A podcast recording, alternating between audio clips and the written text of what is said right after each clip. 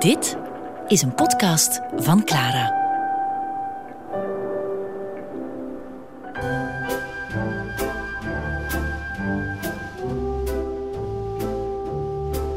Verdwaalde stad.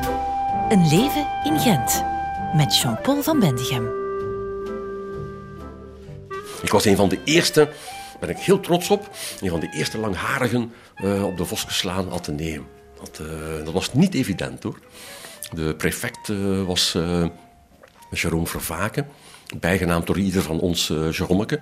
Wat ook het, de carrure had van uh, Jerome uit uh, Susken en Wisken. Uh, was een zeer streng iemand. Rechtvaardig, maar streng. En die had het ook niet voor dat lange haar. Dat paste niet bij het imago van de school. Maar ja, wat konden zij daar aan zeggen? Niks natuurlijk. Mijn vader, die vond dat verschrikkelijk. Heeft het mij ooit één keer gelapt dat ik uh, naar de kapper moest gaan. En achter mijn rug had hij een afspraak gemaakt met die kapper. En ik ben daar praktisch uh, met uh, een broske, zoals men dat zo mooi zegt, buiten gekomen. Kijk, er zijn momenten dat dan vervloekt je die. maar hij, heeft wel hij, hij, zei altijd, kijk, als je 18 bent, dan ben je volwassen. En dan is het uw zaak. En dat was ook zo. Ik werd 18, nog altijd dat vettig lang haar, dat was niet veranderd. Maar, en ik zag hen aan tafel, uh, bij het middageten, avondeten, hoe het hem enerveerde. Maar hij zei er niks meer over. Dat was afgesproken en een belofte is een belofte.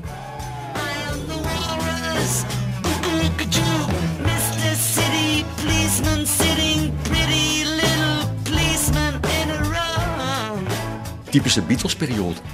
Ik bedoel, Atheneum voor mij was 65 tot 71. Dat is juist die periode. Hè. En dat was ook de periode dat je moest kiezen, ofwel Beatles ofwel Rolling Stones. Het was het een of het andere. Ik was uh, Beatlesman. En uh, dan ook de volgende stap, als je een Beatles-persoon was, wie van de vier? En uh, ja, weinig verrassend neem ik aan. En dat was uiteraard voor mij dan John Lennon. En dat het rebelsen enzovoorts. Voor de brave, brave, brave jongen die ik was, was dat ergens op de achtergrond van, hmm, ja, hmm, ja.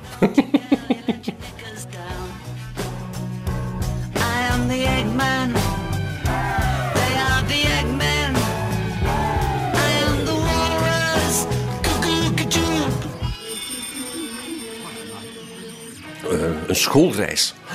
Een schoolreis uh, georganiseerd. Uh, Voskeslaan, jongensschool toen nog. en het lyceum meisjesschool. gezamenlijke uitstap naar Londen. Gemengd. Atheneum en lyceum. Ja goed, in mijn geval is daar niets uitgekomen. Ik stond alleen maar waanzinnig jaloers te kijken naar diegenen die in, in leeftijd, in mentale leeftijd, al zoveel jaar verder waren dan ik. En die in eerste instantie die schoolreis zagen als een veroveringstocht.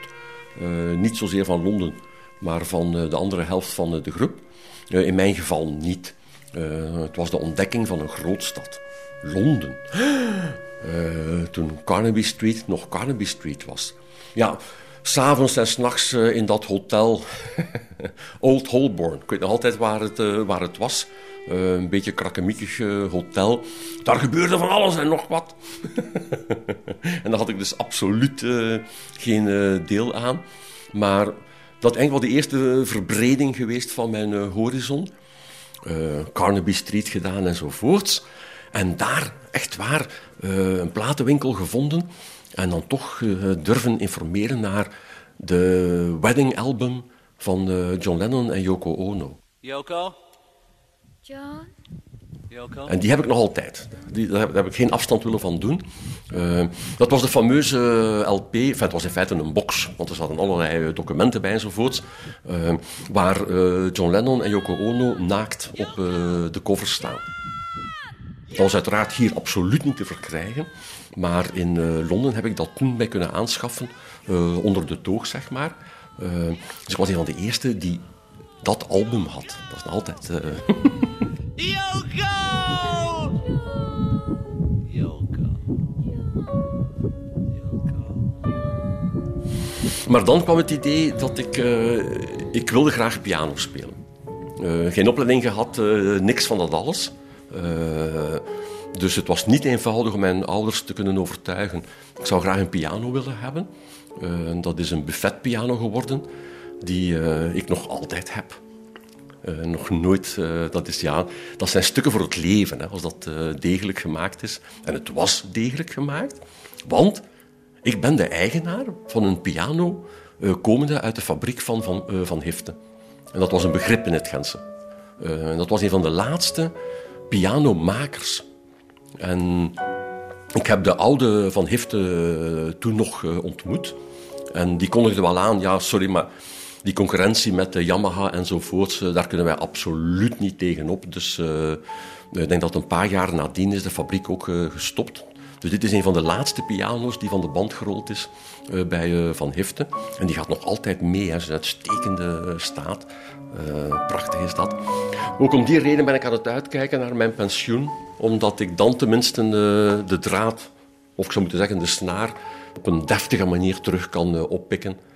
Want ja, de laatste jaren, professioneel was het zo druk. En als je niet toekomt aan een half uur of een uur per dag, als amateur uiteraard, dan niet dat je het verleert. Het, is als zwemmen, maar het wordt, de handen worden, ja, worden roestig. niks aan te doen. Dus Vandaar wat er nu op uh, het plankje staat, zijn oefeningen. ik zit dus nu weer oefeningen te, te doen hè, om, het, om het er terug in te krijgen. Wat heb ik hier trouwens? dat moeten voorbereidende van Schmidt. Hè. Ja, dat zijn gewoon gamma's. Hè. Dat is om het er goed in te krijgen. En ik merk dat zelfs nu bepaalde zaken, ah, dat is om woest van te worden. Hè. Dit, zijn gewoon toonladders, enfin, het is allemaal braaf in C. Dus dat wil zeggen, uh, vrij vertaald, de witte toetsen. Uh, en, en, en, het eerste is gemakkelijk. Hè? Dat is dus in de twee handen uh, naar omhoog gaan. Dat dus, wat menig huisgezin terroriseert. Ik heb al het geluk, mijn vrouw hoort dat zeer graag. Ik word daar zelf soms onnozel van, maar zij wel. Maar dan bijvoorbeeld oefening 5, dat zijn venijnige oefeningen. Het is dus niet meer gewoon naar omhoog gaan. Maar je gaat van 1 naar 3, do naar mi, gevolgd door re naar fa, gevolgd door mi naar sol. Dus dat is al, dat is iets anders. Dat, uh, de laatste oefeningen ben ik nog niet aan toe.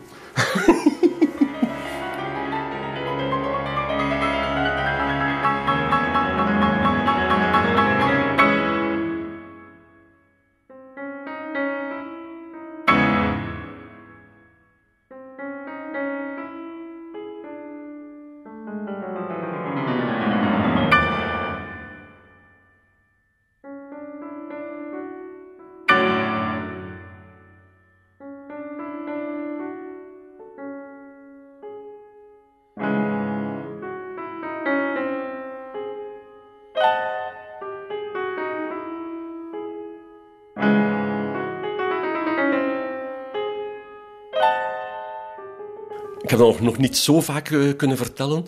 Uh, ik heb nog altijd uh, het, hoe moet, ik, hoe, moet ik het uitdrukken? Ik heb nooit dat idee gehad, als ik naar klassieke muziek luister, dan ben je highbrow.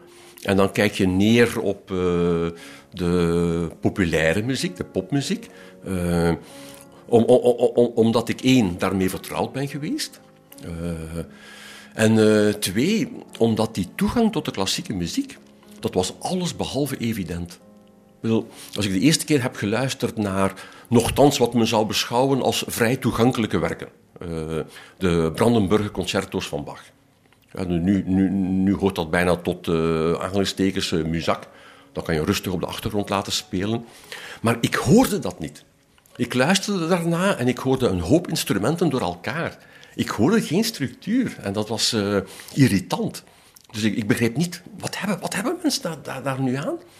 En er was ook nergens in die schoolse opleiding iets dat daar, dat daar mij kon bij helpen. Dus, uh, en dan ben ik gered geweest door wat nu vandaag waarschijnlijk wordt beschouwd als de grootste kitsch ooit denkbaar, namelijk Walter Carlos. Walter Carlos die als eerste uh, muziek maakte met synthesizers. Dat kwam toen op, het, de synthesizer als instrument.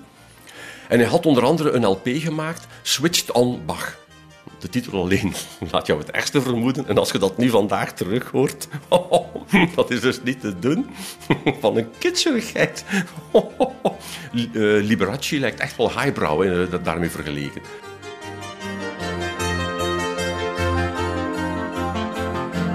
Maar op die plaat stond ook een van de Brandenburger concerto's.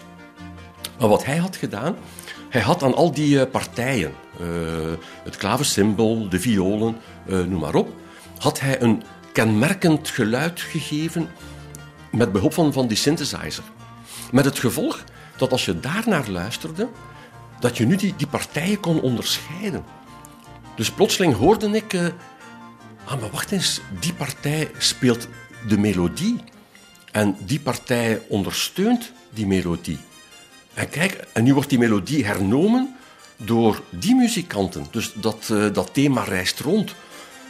Ja, maar zo zit het in elkaar. En dan terugluisteren naar het origineel. En ik hoorde het.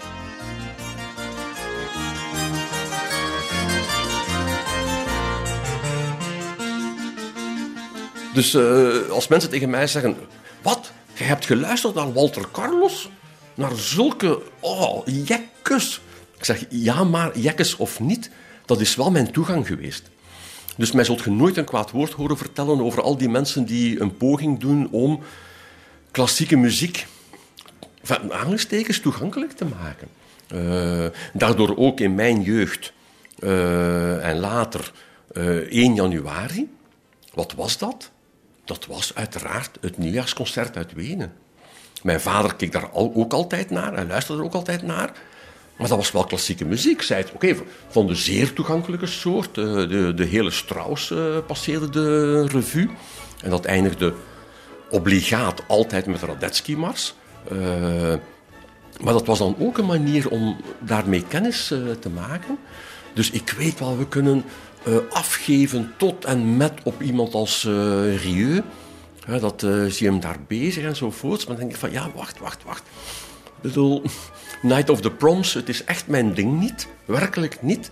Aan de andere kant worden daar een aantal stukken klassiek gebracht, die misschien voor een deel van dat aanwezige publiek een toegang kunnen uh, betekenen. Dat is zo cruciaal geweest voor mij. Maar zelfs als je zou zeggen, uh, je kan of een LP van de Beatles redden, of een LP met daar een paar symfonieën van Beethoven op, dan zal ik ook zeggen, oké, weet je wat, we gaan toch maar de Beethoven pakken.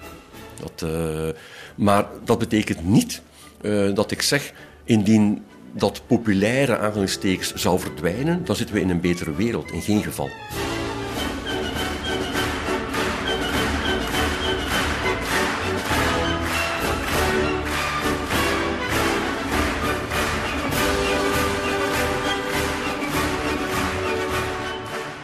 Trouwens, ik moet er nog iets aan toevoegen. Ik heb daarnet gesproken over Walter Carlos, maar in zekere zin bestaat hij niet meer. Want uh, Walter Carlos is uh, getransformeerd in Wendy uh, Carlos. Bij deze, deze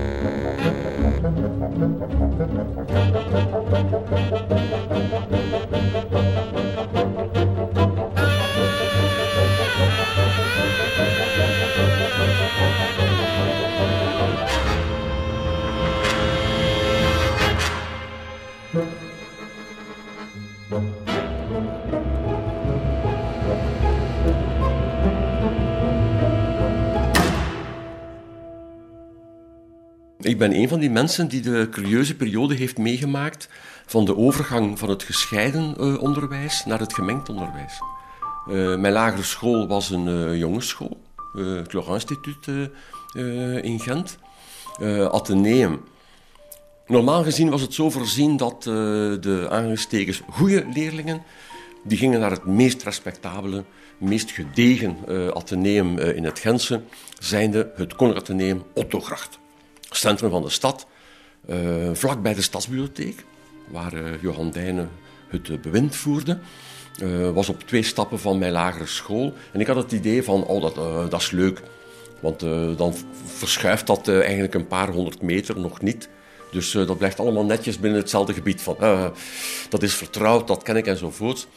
Ik had buiten mijn vader gerekend omdat mijn vader het idee had: modern is beter dan oud.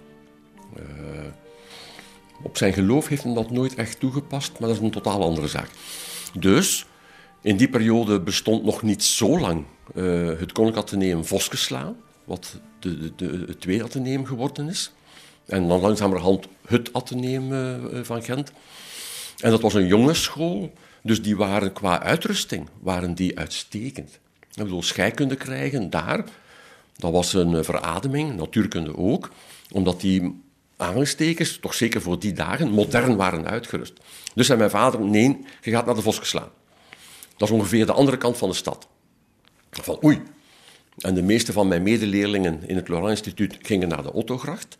Dan dacht ik, uh, oeps, dan ben ik al die mensen kwijt. En kom ik terecht in een totaal nieuwe omgeving. En eigenlijk nog altijd een beetje, om heel eerlijk te zijn, maar toen heel sterk.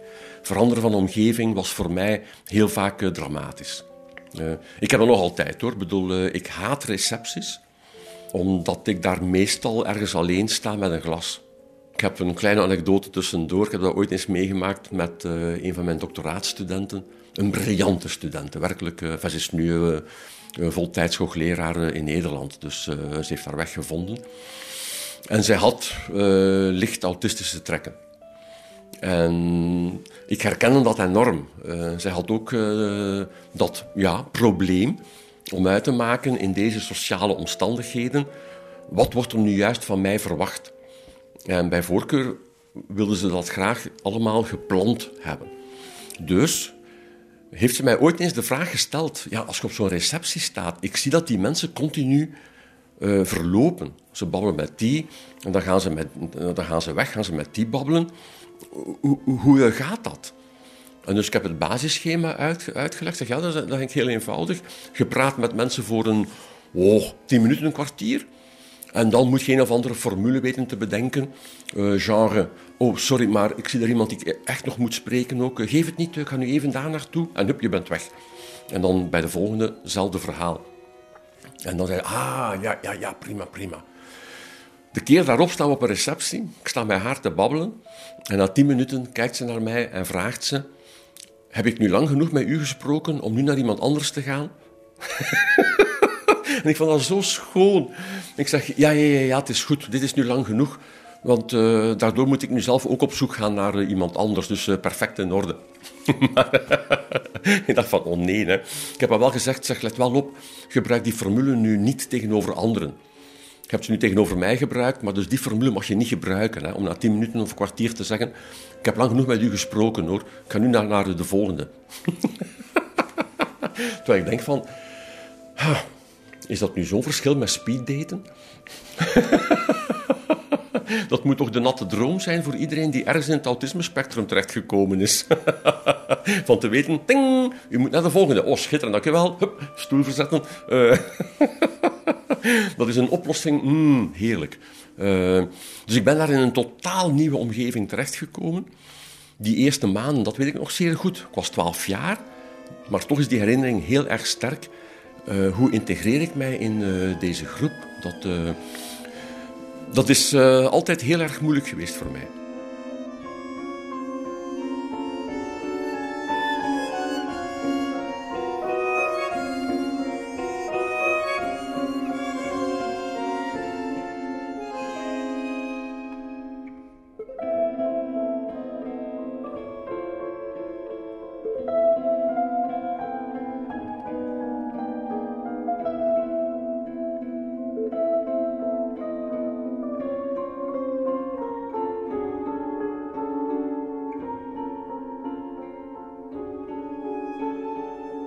Ik was eh, heel vaak, ik zal maar de term gebruiken, hè, de lieveling van een aantal leerkrachten. Niet van iedereen, maar van een aantal wel.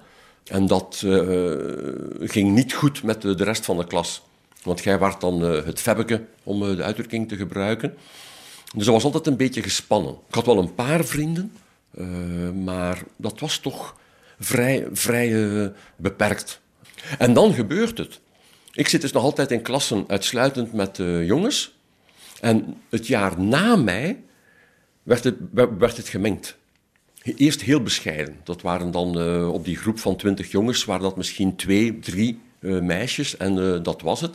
Maar niettemin, dat jaar na mij, daar zaten ze dan. Hè?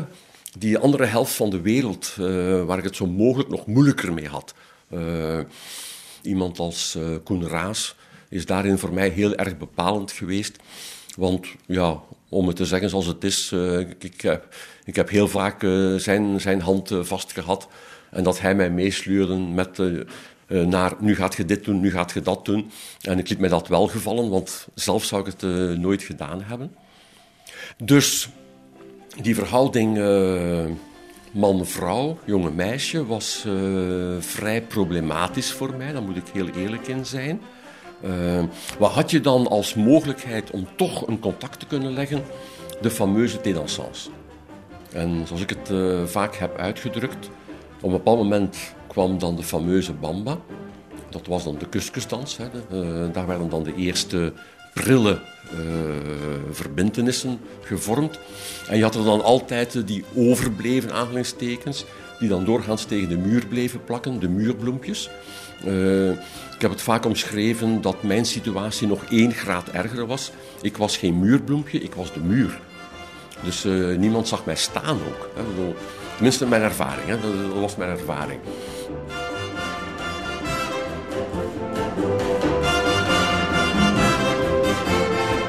Dus wat dat betreft, eh, mijn allereerste jeugdliefde, eh, weet ik nog altijd. Ja, nee, ik zie haar nog altijd heel duidelijk voor mij. Dat is een begankenis geweest. Oh, dat totaal onvermogen om eh, signalen te kunnen lezen. Eh, om te kunnen uitmaken, hmm, ja, hier kan ik het riskeren om eh, een toenadering te zoeken. Dat gaat niet meteen een blauwtje worden. Ik, ik had dat niet. Dus wat mij betreft heb ik altijd enorm veel geluk gehad met het feit dat vrouwen naar mij toestapten. Soms, ik moet daar eerlijk, even eerlijk in zijn, soms met een blik, eh, maar snapt hij het nu nog altijd niet? Hè? Dan moet je nu echt een tekeningsje maken bij die mens. Eh, en het was ongeveer wel zo. Eh, het moest bijna expliciet gezegd worden. Maar snapt je het nu niet? Ik heb een oogstje op u. Van, maar je meent het. en nu, wat doen we nu? J'avais dessiné sur le sable son doux visage Eh, ze was niet zo groot, maar had eh, lang, eh, zeer lang, blond haar. Dat weet ik nog. Aline. De naam weet ik ook nog. Ik zeg het, dat moet voor haar geen vrolijke tijd geweest zijn. om uit te zoeken, hoe moet je nu met zo'n mens omgaan?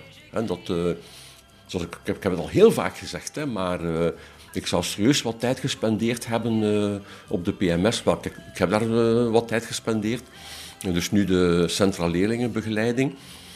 En als ik nu lees, recent, dat Krevits met het idee komt, er moet ook een psychologische ondersteuning komen, dan heeft mij dat zo in de tijd teruggegooid. Ehm, waarbij ik toch mijn als eerste bedenking die in mijn hoofd opkwam, was, en zou mij dat nu geholpen hebben? Want ja, in die dagen terugkerende, seksuele voorlichting, nul. Het was heel simpel. Eh, thuis werd daar niet over gesproken. Dat, eh, dat ging zichzelf wel uitwijzen enzovoort en zo verder. Dus je was aangewezen op wat anderen, met name medeleerlingen, tegen jou eh, zegden. En dat was van kwaliteit, laat ons eerlijk zijn, lamentabel doorgaans. Eh, dat eh, gooide je best weg, maar dat bleef toch hangen allemaal. Dus eh, de verwarring werd alleen maar groter. En daarom nog altijd mijn diepe, diepe, diepe bewondering voor deze mensen die het idee hebben gehad. Wij moeten centra voor seksuele voorlichting uit de grond stampen. De CSV's van toen.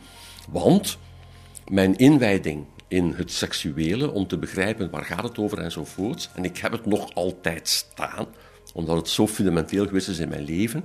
Was een boekje dat werd verspreid door de CSV's, maar eigenlijk afkomstig was van de NVSH, de Nederlandse Vereniging voor Seksuele Hervorming. De NVSH. En die brachten boeken op de markt. Jonge meisje, man, vrouw. Uh, geïllustreerd en alles. Heel zakelijk en nuchter uitgelegd, zoals je kunt verwachten uh, van een Calvinistische staat. Uh, maar wel volkomen open en bloot. Uh, en ik heb dus mijn eerste seksuele inwijding gehad in wat het is, waarover het gaat enzovoorts, door dat boek. Op school ook, hè, in de biologieles. Ja, ja, het ging effectief over de meeldraden uh, en de stampers en zo verder. Zelf de link maken naar was niet zo evident, eigenlijk onmogelijk. Dus daar had je belachelijk weinig aan. Raar genoeg in de lessen zedeleer, in mijn herinnering, was dat ook vrij beperkt. Dus nu had ik wel de achtergrond, maar wat ook in dat type boek niet werd behandeld, was de verleiding zelf. Het, was een waarschuwing van wees voorzichtig, denk aan dit. het gaf wel de uitleg over de mogelijke seksuele posities enzovoorts. En later is dan dat fameuze boek Variaties gekomen. En dat was dan ook zoiets. Maar dat had dan weer die absolute, clean, bijna medische stijl van de Scandinavische landen. Dan werd het bijna een wetenschappelijk onderwerp. Uh, van ja, dus u kan het been daar en dan moeten de voeten daar en dan moet u dit daar inbrengen en, enzovoort. Dan denk je van wat? dus het ehm, heeft dan heel lang geduurd. En goed, ja, uh, gemiddelden zijn gemiddelden. Dat betekent, je hebt wel een gemiddelde, maar dan heb je een spreiding en die kan vrij groot zijn. Ik zeg zelf altijd, ik ben ontmaagd op mijn 21ste. En ik zeg het op deze manier omdat het een vrouw geweest is die het gedaan heeft. Die het initiatief genomen heeft. Ik zou dat zelf... nee, ik zag het mijzelf niet doen. Dat... Dus haar ben ik eeuwig dankbaar, want zij heeft voor mij die deur geopend. Puis il a plu sur cette plage, dans cet orage, elle a disparu. Et j'ai crié.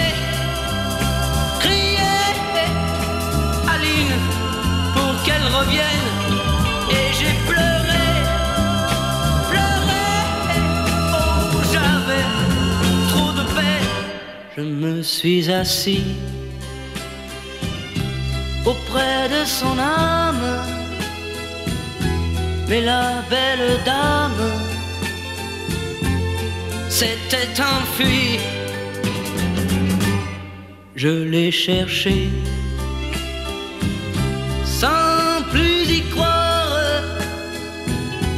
et sans un espoir pour me guider.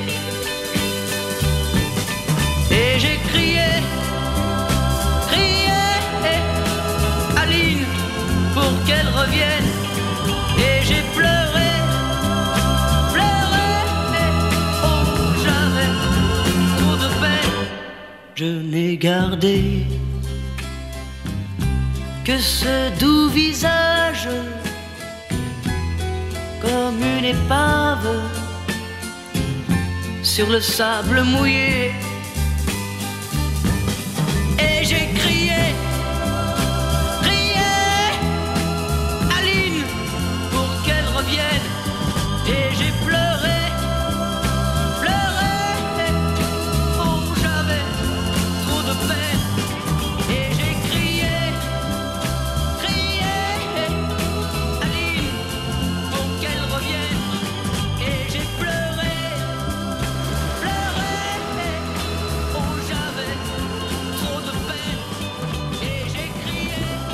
Verdwaalde stad met Jean-Paul van Bendigem.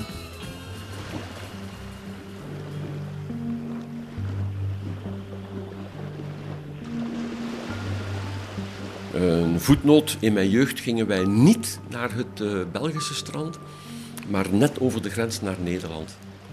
De, eh, ja, de, achtergrond van mijn vader. Eh, Nieuwvliet. En dat was toen een quasi leeg strand. Dat was schitterend hoor. Bij eh Epp was dat een strand van gemakkelijke. Oh, in, mijn, in mijn herinneringen was dat dan een strand van 10, 20 meter. Hè? Eh, strandverleden dat je aan het water kwam. En dan zaten daar verstrooid, daar een koppel, daar een gezin. En dat was het dan. Eh, dus dat was, van, was van een leegte, dat was heerlijk. Dus nu was het niet met een boekje en een hoekje met een koekje, maar nu was het met een boekje op het strand. Ik bedoel, eh, want dat water, dat, dat was niet zo evident voor mij. Ik keek er graag naar, maar er mij in bewegen, dat was dan weer eh, iets anders. Dus dat zijn in feite mijn herinneringen aan, die, eh, aan die omgeving. Eh, en- en in 1980 eh, werd op het Belgische strand eh, de monokini toegestaan, eh, onder heel strenge voorwaarden. Eh, en toen dachten wij, nu is het moment gekomen om eh, een actie te houden voor een stukje naaktstrand. Wat er dan twintig jaar later gekomen is. Ik had voorspeld, dit gaat nu nog twintig jaar duren. Het was ook zo. Eh, is dan Bredene gekomen. Maar ik had dus eigenlijk niks met dat strand. Eh, ik had zeker niks met Blankenbergen. Eh, naakt rondlopen. Een, een oer, maar dan werkelijk een oerklassiek voorbeeld van een schuchter, verlegen iemand, beschaamd over het eigen lichaam, enzovoorts en zo verder. En dan loopt hij daar mee op dat strand. Eh, niet helemaal naakt, want we hadden onszelf eh, gecensureerd. Eh, zwarte tape over de nodige delen. Goed plakkende tape. Dat weet ik nog altijd perfect. Het aanbrengen was geen enkel probleem. Het verwijderen daarentegen. het is niet zo, maar ik heb het gevoel dat het daarna nooit meer goed gekomen is. Dus daar liep ik dan. Die eh, sociaal onaangepaste, seksueel nog niet helemaal ingewijde, eh, die dan nu eh, ook met grote zwier, oké, met grote zwier, heen en weer staat te lopen. Naaktstrand, naaktstrand, wij willen naaktstrand. Ik van, maar ik ga daar nooit liggen hoor. Dat, ik heb toen ook wel zeer goed begrepen dat je kunt inzetten voor een actie, voor een eh, ideaal, voor een idee, zonder dat je daarom zelf in dat idee moet geloven. Maar dat je doorhebt, eh dit is een goede zaak, dus eh, ja, ik, ik wil hiermee geassocieerd worden. Het is een beetje verkeerd afgelopen. We zijn opgepakt geweest door de politie, dat tot daar, maar ook veroordeeld. Omdat blijkbaar het strandreglement van Blankenbergen ook voorschrijft dat je niet alleen de voorkant moet bedekken, maar dat ook uw gat bedekt moet zijn. Ja, dat mag dus, zoals ik het eh, wat eh, plastisch uitdruk, eh, dat mocht een string zijn die volledig in de aars verdween, dan was het bedekt.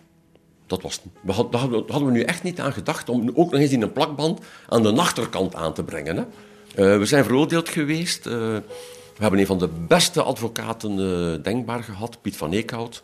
Hmm, een schitterend pleidooi, schitterend.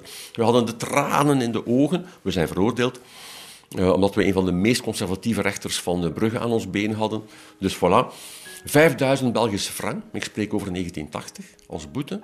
Of een maand effectief. Omdat de overtreding was niet alleen openbare zedeschennis, maar, en dat is nog altijd eh, een probleem als je, het, eh, als je niet goed luistert.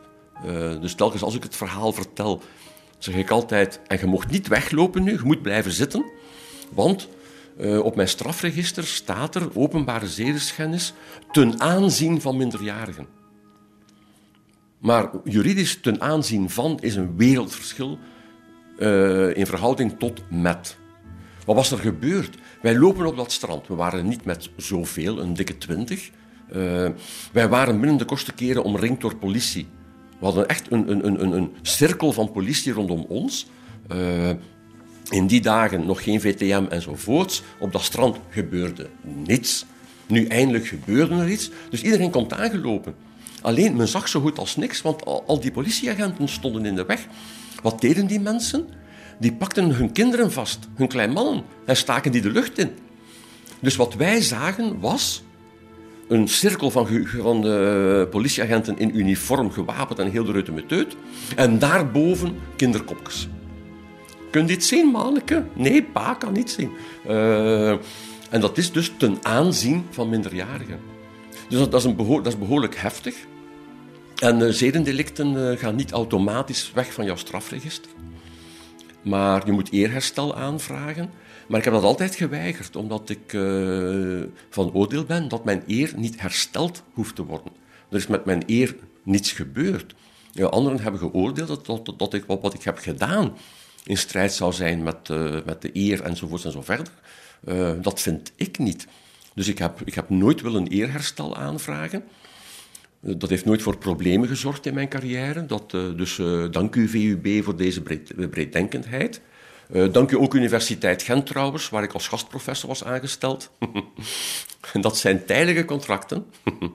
dus om de zoveel tijd moest dat hernieuwd worden. Nu denk ik eh, niet meer, maar toen moest je aan jouw dossier een bewijs van goed gedrag en zeden toevoegen. Kijk, en dan wist ik om de drie jaar van oh nee, ne, en nu weer. Maar goed, we doen het, we doen het. Ik bedoel, eh, ik ben er trots op. Ik geef geen millimeter toe. Ik moest namelijk naar mijn lokaal politiekantoor voor dat bewijs van goed gedrag en zeden. De eerste keer dat ik dat moest doen. Ik ga er naartoe, kom aan die balie, zit een uh, agente.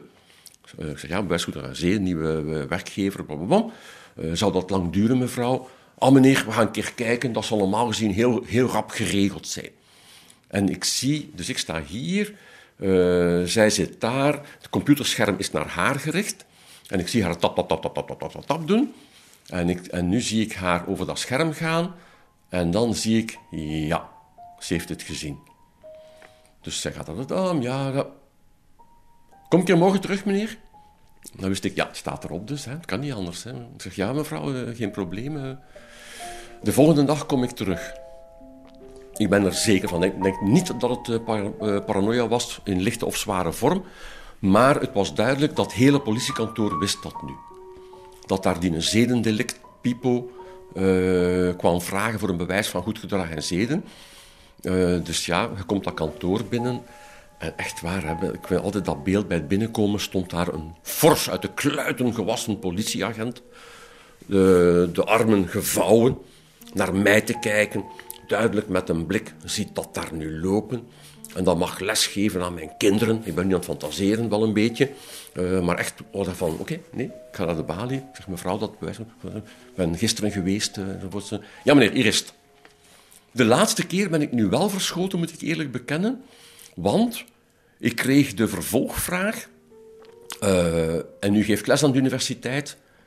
Dat zijn meerderjarigen. Ik zeg, ja. Oké, prima. In dat geval kan, kunnen, we, kunnen we een attest. Nu weet ik niet meer of het A of B was. Het was een van de twee. Wat wil zeggen, ik mag geen les geven in het middelbaar. Omdat ik dan les geef aan uh, min 18-jarigen. En dat is uh, verboden. Dus ik mag dat niet doen. Voetnoot daarbij, dat moet ik echt wel vermelden hoor. Zoveel jaar later vraagt men mij, wilt je meedoen aan een uitgelezen aan zee? Uh, in Oostende. Uh, ik zeg, ja, oké, ik wil dat graag doen. We komen daartoe, uh, we zijn uh, aan de vroege kant, we hebben nog tijd om iets te drinken. we zitten daar op een terras. Dit is authentiek gebeurd. Een oudere man die naar mij toe komt en die mij vraagt, u bent toch professor van Bendegem? ik zeg, ja. En die had mij gehoord op, op, op de radio over die fameuze betoging. En dus met mijn verhaal over die plakband. En die kijkt naar mij en die zegt, ja, Ik hoop dat je het mij niet kwalijk neemt, maar ik ga het u toch maar zeggen. Uh, ik heb jullie die plakband verkocht. en die wilden zich excuseren. Ik zeg, dat moet je niet doen. Wij waren de onnozelaars. Bovendien, het was plakband van prima kwaliteit. Geen stormwind zou dat ook maar een millimeter doen verschuiven hebben. Zo hebben wij ondervonden. Daar moeten we op drinken. Dat is, uh, dat is zo mooi.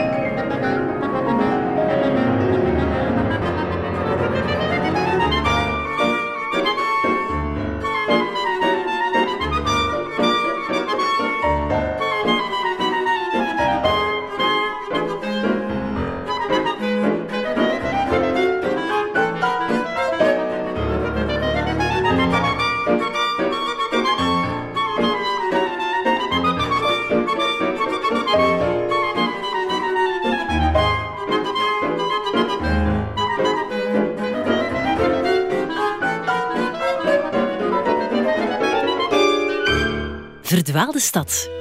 Een leven in Gent. Met Jean-Paul van Bendigem. Ik zie mij nog altijd, de allereerste eh, universiteitsdag, uh, Jozef Plateaustraat. Ja, dat indrukwekkende gebouw, die gigantische poort. En het enige wat je had, uh, acht uur, auditorium A, Jozef Plateaustraat 22. Dus had het gebouw gevonden, hier moet ik zijn. Oké, je moest maar de stroom van de mensen volgen, in feite was het eenvoudig hoor. En dan stapt je binnen in een ruimte waar plaats is voor 600 studenten. En dan denk je, en waar moet ik nu eigenlijk uh, plaatsen? Ah ja, kun je, gewoon, je mocht hier gewoon ergens neerzetten. Oh, en je doet dat. En dan komt daar een, van voor een klein figuurtje staan, want waar hij zit, is het uh, wat ik noem lange afstandsonderwijs. Uh, die een uitleg begint te doen, die een microfoon draagt, die heel slecht werkt. Dus die om de drie seconden aan, een seconde uit, drie seconden aan op die manier. Dus je verstaat er maar de helft van die zich omdraait en dan gelijk van allerlei formules op dat bord begint te schrijven. En, van, en wat moet ik nu eigenlijk juist doen? En dat was het eigenlijk. Hè? Als ik dat vergelijk met vandaag, wat wij nu allemaal doen. Uh, om eerlijk te zijn, ik denk zelf iets te veel op het ogenblik. Want nu zijn we ze aan het verzuipen. Uh, bedoel, en dat eerste jaar wiskunde was oké, daar ben ik uh, doorgeraakt. Zij het niet meer zo geweldig goed. Uh, dat tweede jaar wiskunde heb ik een dip gehad. Was ik het echt kwijt, wat zit ik hier te doen? Dus dat tweede jaar was eigenlijk wel een beetje een rampjaar, om eerlijk te zijn. Ik heb het mogen overdoen. Mijn vader heeft mij toen de raad meegegeven: kijk, je moet doen wat je moet doen.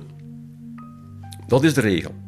Maar er staat wel bij: niet komen klagen nadien. Niet nadien komen, komen zeggen, ja, ik heb mij vergist, want eigenlijk wilde ik dit helemaal niet doen. Van, nee, je hebt gekozen daarvoor.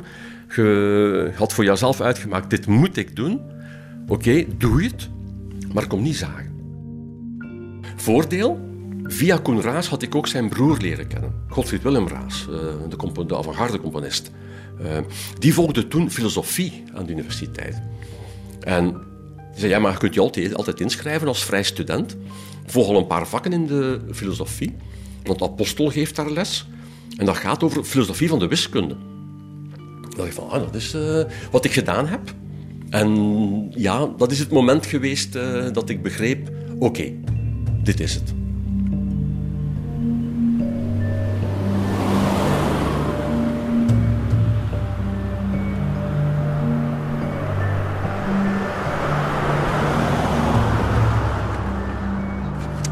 Staan nu op uh, de site die algemeen bekend staat in Gent als Dunblandijn. Dat betekent aan de ene kant het gebouw waar uh, voor het grootste gedeelte de letter- en wijsbegeerte zit. Maar het andere gedeelte van, dat, van die site is ja, een van de meest bekende eikpunten in het Gentse nu, als het gaat over de hoogte, namelijk de Boekentoren. Een ontwerp van Henri van der Velde, niet zonder slag of stoot tot stand gekomen. En sedert tien jaar de plek waar het geheugen van de universiteit uh, verzameld zit. Een pracht van een collectie, echt waar, de dingen die daar staan. Oh, dat, uh, dan, heb ik het nog niet over de boekentoren zelf, maar ook nog eens over de aparte collecties. Uh, de wiegedrukkende enzovoorts. ik hou enorm van een boek te moeten vastnemen met handschoenen aan. Omdat je toch niet zou. Hè, dat, ik heb als student ooit meegemaakt een grappige anekdote.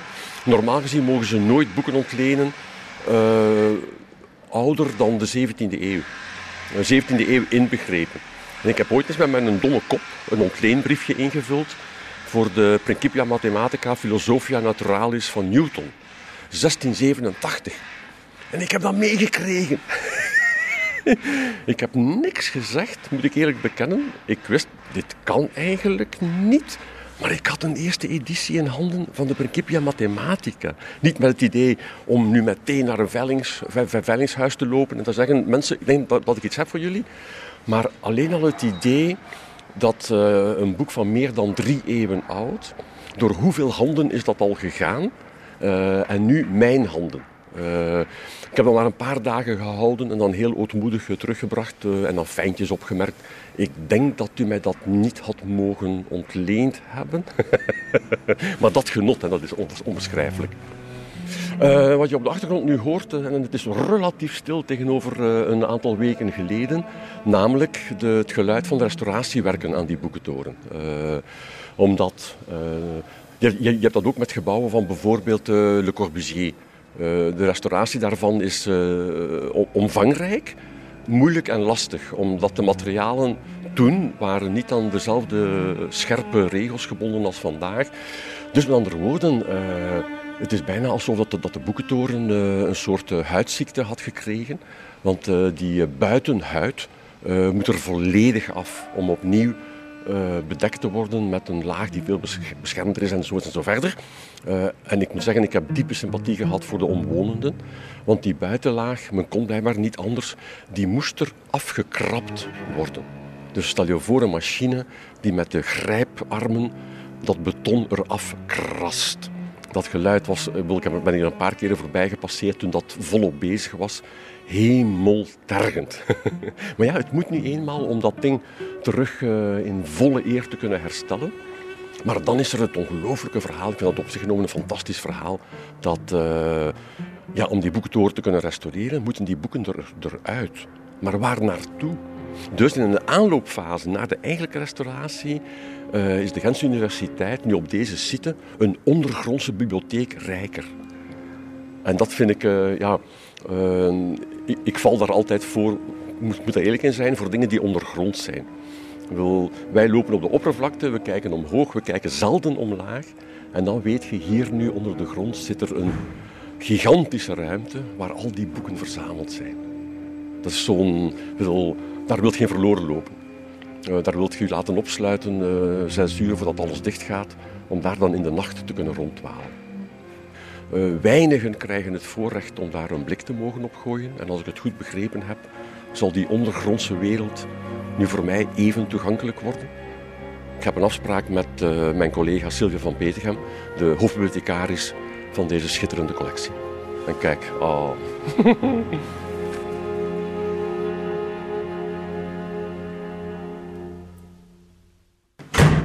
Ja, ja, ja, aangenaam.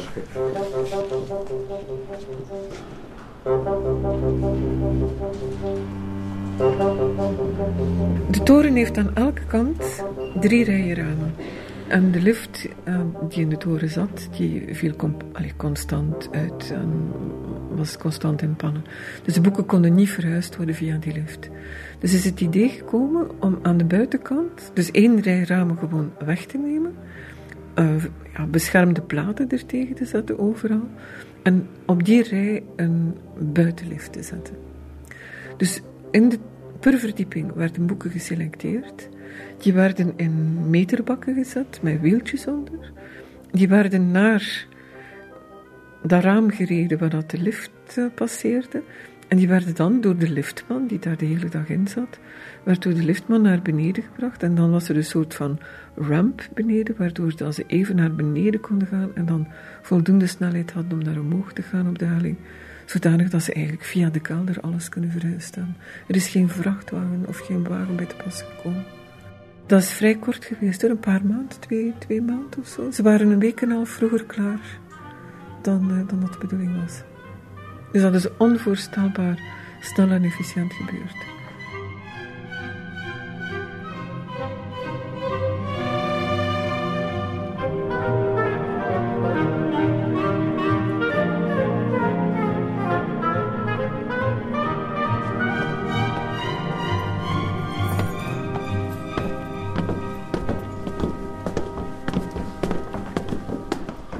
En nu kunnen wij ook van hieruit naar het ondergronds depot.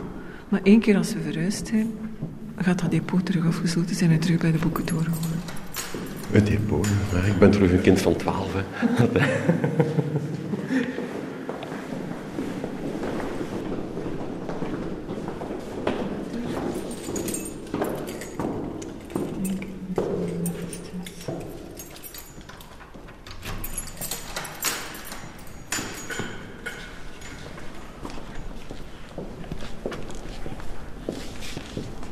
Als ik eh, deze verzameling oude, eh, het zijn duidelijk oude boeken, eh, zie, dan, dan is dat een blik die je krijgt in de tijd. Met dan, ja, bedoel, ik ben altijd geneigd om te zeggen, dit zijn boeken. Nu, weet, nu weet ik wel, ik ben niet zo dwaas om te beseffen dat de, de, het bedenken van de pocket een enorme stap is geweest in het uh, vergroten van het potentiële lezerspubliek enzovoort. dus dat is enorm belangrijk. Maar dit, dit voor mij blijven boeken.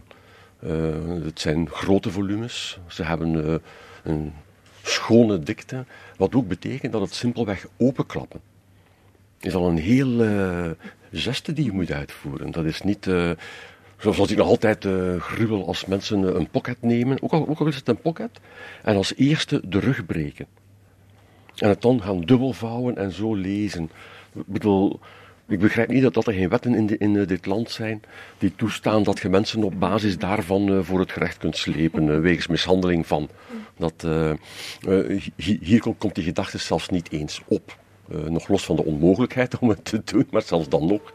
Uh, dit, dit, roept automatisch ook een, een, een eerbied af voor, het, voor het boek. Je kijkt naar een métier. Hè?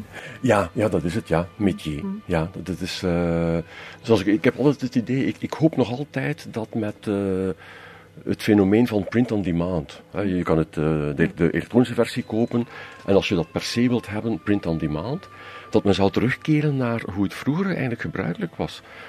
Van de drukker kreeg je de katernen. En dan ging je naar jouw eigen favoriete uh, uh, boekdruk. Met een eerste, ik zeg het niet juist, hè? Boekbinder. boekbinder, ja, dank u wel. die dan daar een kaft rond maakte. En dan meestal gepersonaliseerd. Mm. Dus ik, mijn voorspelling is dat we dat fenomeen terug gaan zien opduiken. dat mensen in die zin een papieren collectie gaan personaliseren en dat het daardoor een waarde gaat krijgen. Die je nu ook ziet met de LP. Hè. Die uh, terug. Ja, de LP compleet ten doden opgeschreven zijn men. En nu komt het terug, maar precies als uh, opnieuw die blik in de tijd. Het uh, omgaan met een vrij groot object in verhouding tot CD's en, en USB-sticks enzovoorts. Dat is groot. Dat vraagt een zorg. Je moet dat afstoffen, verdorie. Ik bedoel, ik zou eens moeten vragen aan mijn studenten: wie onder jullie heeft al ooit een USB-stick afgestoft? Dan zal het antwoord normaal gezien zijn, pardon. nee, hè. Maar, maar dit wel en dit vraagt ook eh, een zorg. Uh, dus er is ook tegelijkertijd een, een, enorme kwetsbaarheid. En dan nu zeker door het feit dat, dat het hier nog is. Dus dat het die tijd heeft uh, overleefd. Dat op zich is al uh, die blik in de geschiedenis, dat is goud waard.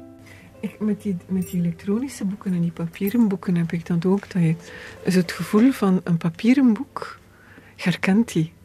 Die ligt daar en hij is rood en hij is groot of hij is klein en hij, of hij is dun of zo.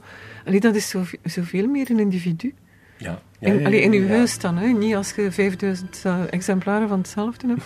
Maar dat is meer een individu, waarbij dat bij elektronisch, ja, je moet, het is allemaal hetzelfde, je zoekt Ik heb ook het idee als mensen mij zeggen, uh, ik vertrek op reis en ik heb een e-reader mee en daar staan 200 boeken op.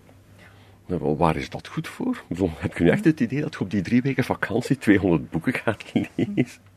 Terwijl die subtiele oefening om voordat je vertrekt, uh, door die 20, 30 boeken die je nog graag wil lezen, die 20, 30 romans, te moeten gaan uitkiezen. Oké, welke gaat nu zeker mee? Oké, ik ga die lezen. En ook als je dan op reis tot het besef komt, ik had eigenlijk beter dat boek meegenomen. Dat is, dat, dat is op zich genomen, dat, dat is interessant. Dat, dat leert jou zelf iets over wat jouw eigen leescultuur is. Terwijl bij een e-reader zeg je, bon, dat mag eruit uh, naar het volgende. Dus daarom, ik ben geen adept uh, van een e-reader. Ik vind ook, boeken sleurt je mee. Ja. Dat moet een gewicht hebben in jouw valies. Daar, uh, daar geef ik niet op toe.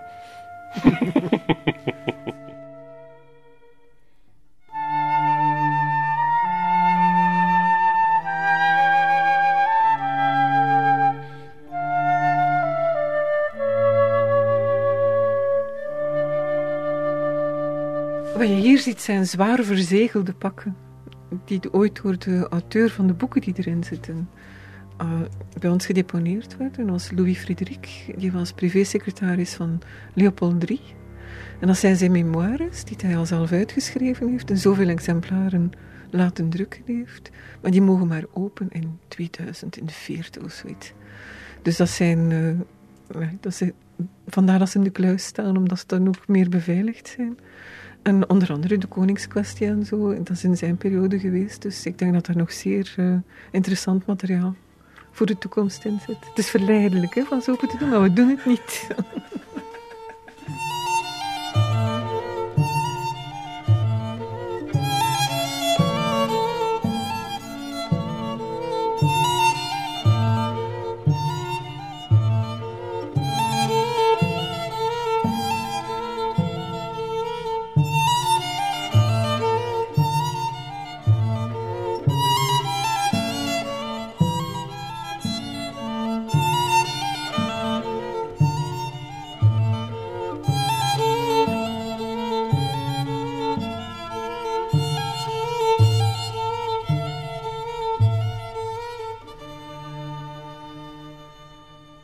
mijn band met het gebouw voor ik hier werkte was totaal anders. Omdat uh, mijn ouders die, die uh, waren katholiek en die, gingen, die wilden zeker altijd op zondag naar de mis gegaan zijn. En als ze dat dan eens gemist hadden, dan kon je dat hier nog in de Sint-Pieterskerk.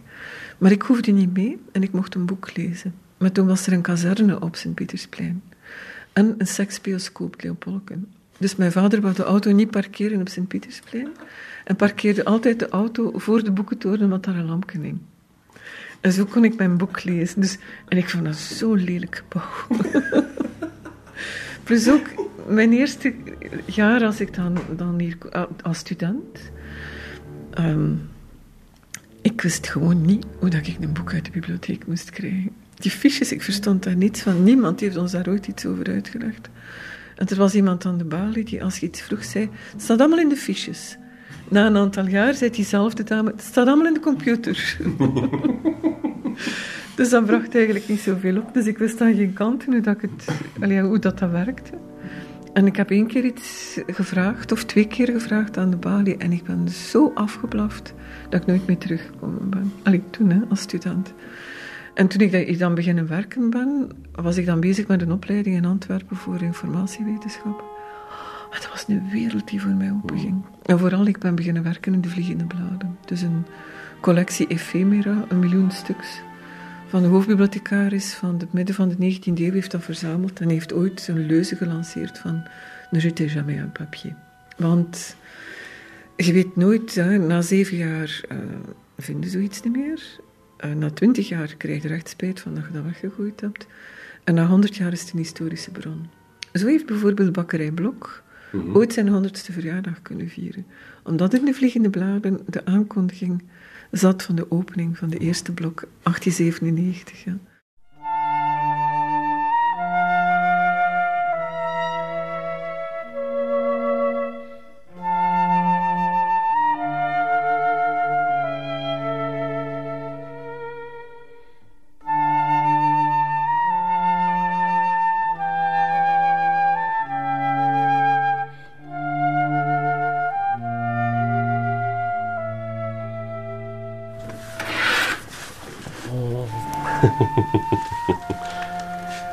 Mag je daar zomaar aankomen? Ja.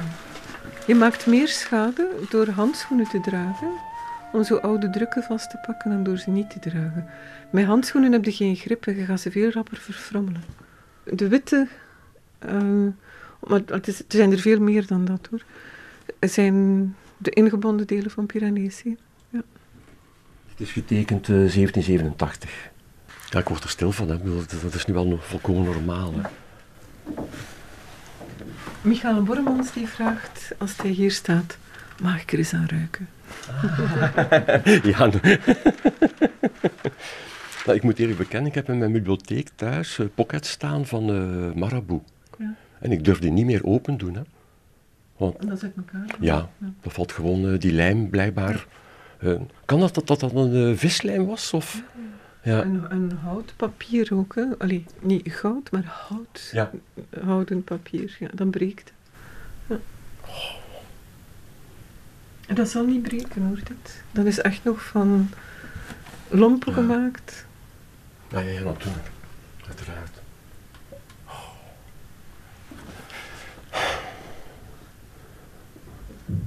Dat is natuurlijk nu wel een licht probleem met radio. Uh, want zelfs een beschrijving kan dit nooit weergeven. Laat staan mijn mijn emotie nu van te staan kijken naar, uh, naar een authentieke uh, Pyrenees. Wil, uh, ja, ik weet ook met de restauratie van het Lam Gods, dat in mijn herinnering vroeger, toen het nog in de hoofdkerk stond, in een zijkapel, ja, ja. dan stond daar het Lam Gods en daarvoor een kleine foto. En dat was een uitvergroting van een van de bloemetjes mhm. in het uh, grasveld uh, van, van het centrale paneel. Maar nu, op, via de website, kun je inzoomen nog zoveel stappen verder. Uh, volle detail, en dat is indrukwekkend. En ik neem me altijd, daar was toen een oud meneertje, maar ik weet niet juist wat zijn functie was. En om de zoveel tijd sloot hij het triptiek en deed het dan terug open. Dat, uh, dus als, je net, als hij het net had opengedaan, ja, dan moest je wel even wachten. Tot hij dan terug zou sluiten, dat je Jacobus Feit kon zien. Uh, goh, ik ga dan toch nog eentje bekijken als ik mag hoor. Wil.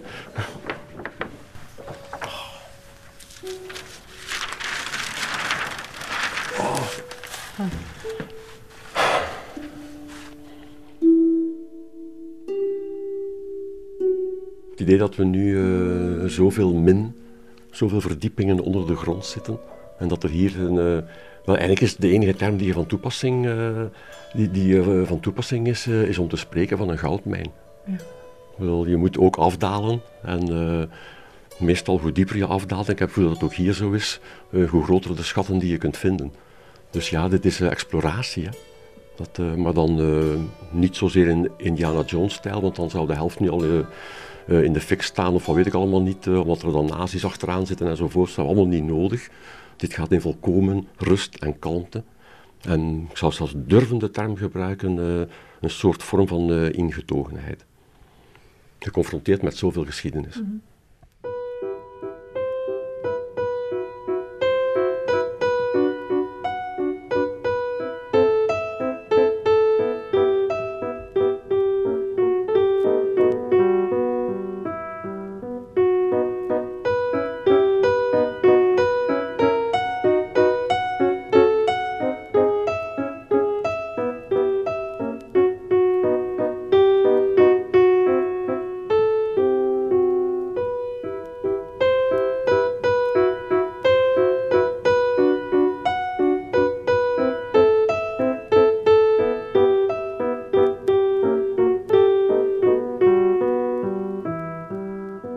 Toren, daar is van alles mee gebeurd.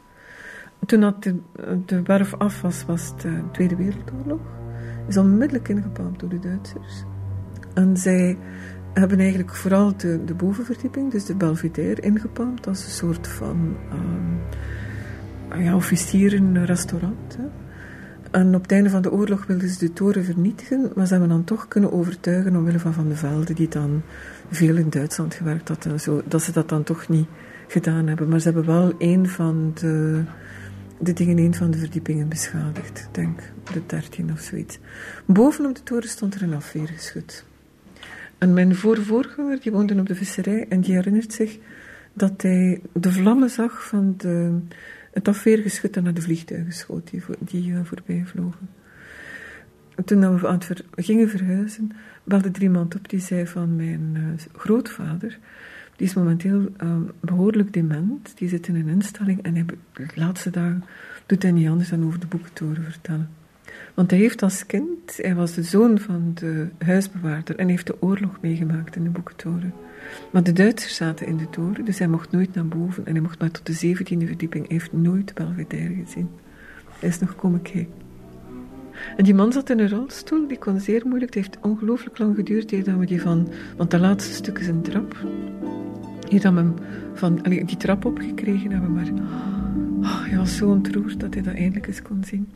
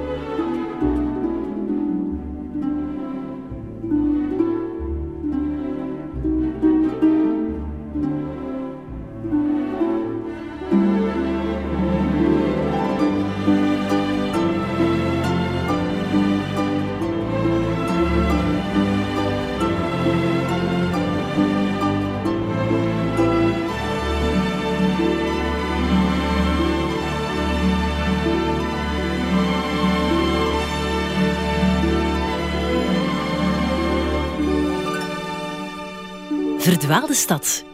Een leven in Gent. Met Jean-Paul van Bendigem. Ben ik zo blij dat ik het nog mag meemaken in mijn levensloop. Dat het bovenste gedeelte van de boekentoren terug toegankelijk gaat worden. Want dat is werkelijk, als je spreekt over Henri van de Velde, dat is een van zijn pareltjes.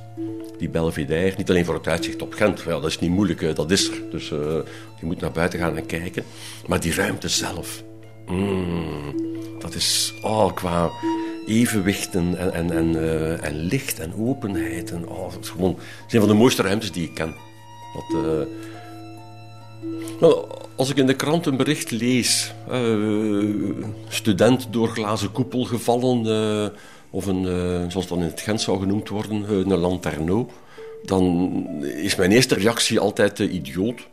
Ja, dat is van, hoe, hoe, waarom let je niet beter op enzovoort. ja, je moet dan in feite wel expedities doen op voorhand om te weten welk gebied is veilig en welk gebied niet. Nu denk ik, een van de laatste keren waren het zelfs ingenieurstudenten. Dat vond ik nu wel, qua cynisme kon dat, uh, kon dat tellen. Die zouden toch wel het inzicht mogen gehad hebben. Ah, een ervan is op glas beginnen lopen. Omdat hij niet doorhad dat het glas was. Ah, dat moet... beeld alleen al vind ik uh, zo gruwelijk. Aan de andere kant begrijp ik perfect uh, de fascinatie daarvoor. Dat is natuurlijk... En dan zeker die oudere gebouwen. Hè, dat is, bedoel, ah, alleen al daarom mag men het Justitiepaleis in Brussel nooit afbreken. Ik bedoel, dat gebouw is van zo'n waanzin. Trappen die nergens naartoe gaan. Dat, alleen al is zo'n schitterend idee. Dat, ooit ging dat wel verder, maar iemand heeft ons belet om ooit nog verder te kunnen gaan. Men heeft dat afge, afgesloten. Wat zit er daarachter? En dat, en natuurlijk, ik vind ook altijd um, een, om een. Uh, wel, er is een manier geweest waarop dat in Gent, dat ook recent, op een bijzonder dramatische manier werd getoond. de eerste echte woontorens in Gent waren nota bene vlak tegenover de kerk waar wij ter kerke gingen, aan het Rabot. Dat waren die eerste woontorens. Die zijn nu compleet uitgeleefd, worden dus afgebroken, uh, vervangen door, uh, ik neem aan, zinvoller... Uh, ja, toen in die periode was dat zinvol, die woontorens. Dat was de toekomst. en men is die beginnen afbreken. En wat men heeft gedaan op een moment is, men heeft de façade eraf gehaald. En al de rest gelaten zoals het was. Met andere woorden, je kreeg, je had bijna plaatsvervangende schaamte. Je kreeg een inkijk in al die woningen. En alleen al het palet van kleuren. Als ik dat beeld zag, dacht ik van ja, oké, dit kan ik niet aannemen. Als je daar moet leven en waarschijnlijk zelfs moeite hebt. Dat is altijd mijn beeld dat ik heb als iemand zou vragen. En uh, waar woonde ga? Dat je dan zelf moet beginnen tellen vanaf niveau 0. Wacht ze. 1, 2, 3, 4, 5, 6, 7. Ja, kijk, zie je dat raamje met dat gordijntje daar? Uh, dat je zelf moet uitpuzzelen, waar woon ik nu eigenlijk? Dat men blijkbaar in de interieurs dat heeft willen tegengaan door met heel veel felle kleuren te werken. Dat was echt, dat was, qua kleurenpalet was dat indrukwekkend. Het was een schitterend schilderij. Maar je zag ook, ook dingen die, ja, die bij mensen horen. Dat je zegt, ik krijg hier nu een inkijk, maar ik wens dit eigenlijk niet te hebben, om heel eerlijk te zijn. En dus dat beeld van een façade die dingen verhult, uh, van een wand die eigenlijk een, een, een tussenruimte verbergt. Uh, en dan natuurlijk ja, in de universiteitsgebouwen, uh, zeker de Rosier en de Plateau, uh, de, de oudste, bij beide oudste gebouwen, het moet precies zijn, daar heb je gigantisch veel van die tussenruimtes. Als je in een tussenruimte zit van misschien één meter, anderhalve meter, met daar het echte dak, dat waarschijnlijk al in een paar eeuwen geen daglicht meer gezien heeft, met dan die glazen uh, koepels waar zo'n laag stof uh, op ligt. Welke geur moet die tussenruimte hebben? Dat alleen al. Hè, dat het binnenkomen van een ruimte die lange tijd niet meer open geweest is, dat is altijd, dat is werkelijk, dat, dat is machtig. als er dan nog vochtigheid bij komt, dat is zeker zo in die gebouwen. ja, nee, ik begrijp perfect die ik, ik zou het ook doen en, en, en ik heb het dus gedaan. als je de kans krijgt om dat te doen, de, de, oude munt, eh, voor de verbouwingen, die parallelpassages die je overal had, dat ook. Hè. Bedoel, Als je dat één keer hebt meegemaakt, dan begrijp je meteen waarom er een idee kan zijn van een spook van de opera. Natuurlijk, er is ruimte zat uh, voor een spook om zich rustig te nestelen en iedereen een duvel aan te doen. Als dan eens de gewelven eronder voor een deel onder water staan, dan is het helemaal fantastisch uiteraard. Dat, dat is trouwens tussen haakjes ook mijn fascinatie voor Schuiten en Peters met de duistere steden. Ik, ben daar, heb daar een enorm zwak voor. Hè, dat er ergens een poort zou zijn die jou een toegang geeft tot die andere wereld. Voor Brussel is het dan Brussel. Ja, voor Gent zou het dan waarschijnlijk uh, moeten zijn. Hè? ah ja, de Franse versie. Hè? De centrale bibliotheek. Om eens effectief zo'n gewoon verdiep in die toren te kunnen bezoeken. Uh, Interbellum, de vereniging hier uh, in Gent, die zich, ja, zoals de naam aangeeft natuurlijk, vooral die periode tussen de twee wereldoorlogen bestudeerd met Norbert Poulin als voorzitter. In de Gentse feesten organiseerde hij onder andere rondleidingen in de Centrale Bibliotheek. En dan kon je zo'n niveau bezoeken. Ah, ik kon daar net recht staan. Dus een, paar centimeter tussen mijn hoofd en plafond.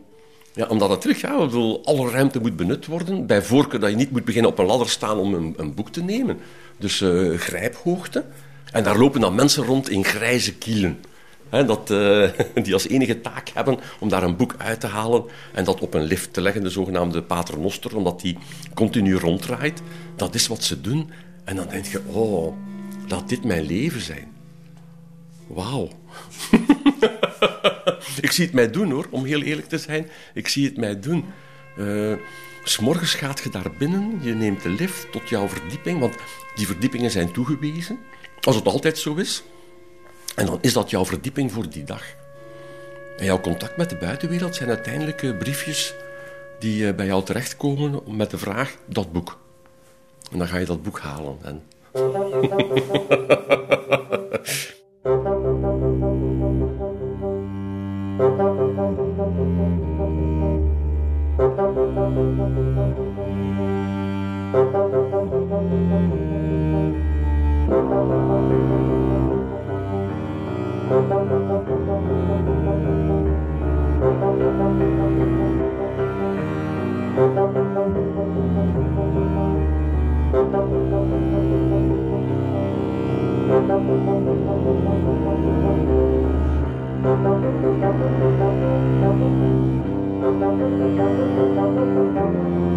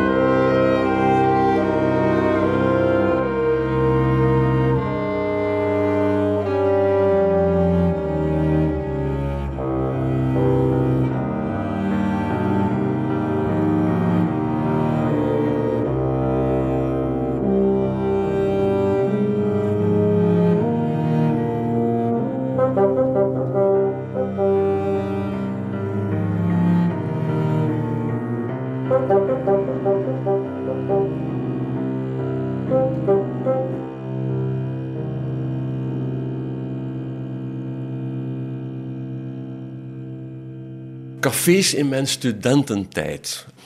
Er zijn er twee die bovenaan staan. Eén is ondertussen zelfs afgebroken. Het is er niet meer. Oh. Het Keetje. Uh, het Keetje was een café in de Sint-Pietersnieuwstraat aan het begin. Ongeveer recht over het uh, kunstencentrum vooruit. Nu is daar de backstage, eh, de vroegere drukkerij Het Licht, waar de vooruit werd eh, gedrukt. En daarnaast was een piepklein cafeetje, werd opengehouden door eh Eddie Tange. Eh Eddie Tange is helaas eh, overleden, maar eh, de, de zonen, waarvan ik er één nog altijd ken, Jackie Tange, die is er nog altijd. En dat was een café waar ook, zeg maar, de politiek gemotiveerde studenten samenkwamen. Daar stond een hele oude jukebox.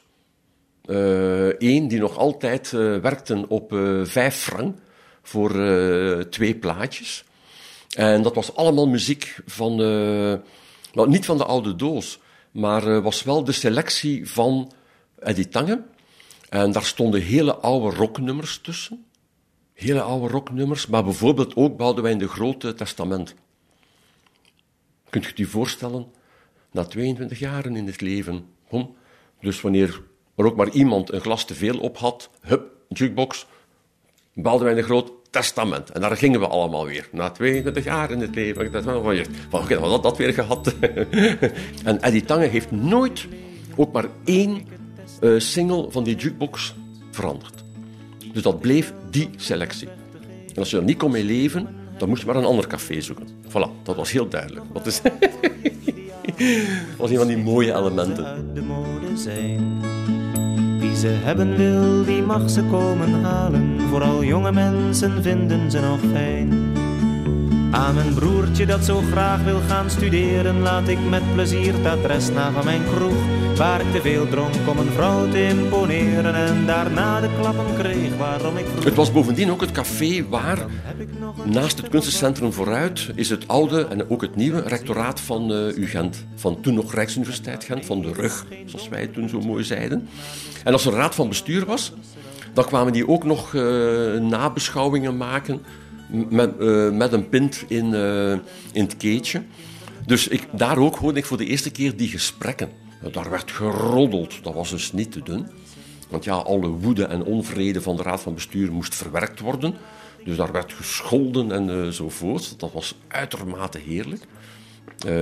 En die Tangen een uitermate strenge cafébaas. Je kon op krediet. Dat was geen verstandig idee. Van hem een goed idee, maar voor mij een slecht idee. Uh, op de poef. Hmm, maar voor de rest, echte dronken mensen, die vlogen onvermijdelijk buiten. Dat was heel simpel. Dat, dus je had altijd een café van beschonken mensen, goed beschonken mensen, maar eigenlijk niet van dronkaards. Dat was, dus ik weet wel, de kwaliteit van een gesprek gaat zo naar beneden naarmate de alcohol toeneemt. Maar er stond een limiet op. Dat was wel leuk om weten. Zijn mijn goede jeugdherinneringen. Die neem je mee zolang je verder leeft.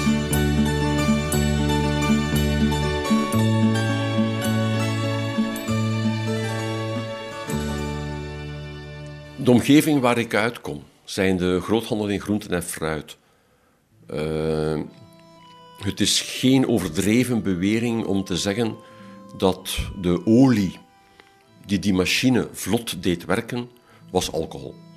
Ik bedoel, uh, geen milieu gekend waar uh, zoveel werd gedronken, waar werd geselecteerd daarop trouwens. Ik bedoel, iemand die na tien pinten nog altijd overeind stond en nog zaken kon doen. Dat was perfect natuurlijk. Ik bedoel, die kon zij die er slechter tegen konden, zo liggen hebben enzovoort en zo verder. raar genoeg, ik ben in een omgeving opgegroeid waar alcohol ook vaak vrij problematisch was. Dat heeft raar genoeg weinig effect gehad op mij. Nu, zot genoeg, tot mijn 18 was ik geheel onthouder. Uh, mijn eerste alcohol was uh, na mijn uh, 18. Maar het is ook, ja, zeg zoals het is, hè, het is ook een middel geweest om eh, het sociale verkeer, om die machine vlotter te laten lopen. Hoewel ik met scha en schande heb moeten leren natuurlijk dat, uh, dat alcohol dat curieuze effect heeft dat wat je denkt te kunnen doen, in ongewone verhouding toeneemt tot wat je nog reëel kunt presteren. Dus de volgende ochtend wakker worden Eh, en dan pas realiseren, dit is niet mijn bed, dus ik ben nu ergens anders. Ik dat soort toestanden. Eh, dus ja, ik heb als eh, student in mijn studie wiskunde eh, heb ik een periode meegemaakt waarin alcohol een zeer belangrijke rol heeft gespeeld. Dat moet ik, eh, daar moet ik heel eerlijk in zijn. Dat heeft mij dat parten gespeeld. Wel ja, ik heb een periode gehad eh, waar ik mijzelf begon te realiseren: dit gaat niet goed. Eh, het wordt een te vast onderdeel van mijn dagelijks doen en laten. Heeft dat mij toegelaten om eh, gemakkelijker contacten te kunnen leggen? Ja. Waren dat eh, langdurige contacten? Nee. Omdat uiteraard, tenminste nee, ik zeg uiteraard, maar ik moet voorzichtig zijn. Spreken over mijn ervaring. De dronkenschap werd meestal door beiden gedeeld. Met andere woorden, doorgaans eh, was zij eh, even dronken als ik. En dan, ja, dan kunnen wel mooie dingen gebeuren, maar meestal niet. dan was je al blij als je ergens eh, terecht kwam dat je dacht, ja, deze plek ken ik. Of dat zij dacht, deze plek ken ik. En dan was het in orde. Dat was uiteraard, dat was lang voor de tijd dat HIV enzovoort de kop hebben opgestoken. Dus ik kan het niet anders uitdrukken. Ik heb in die periode waanzinnig geklungeld. Waanzinnig. Eh, daar is toch een eerste langdurige relatie eh, uitgegroeid, die eh, alles bij elkaar door de twintig jaar heeft geduurd. En ja, de lijst mensen die ik dankbaar moet zijn, is niet zo kort hoor.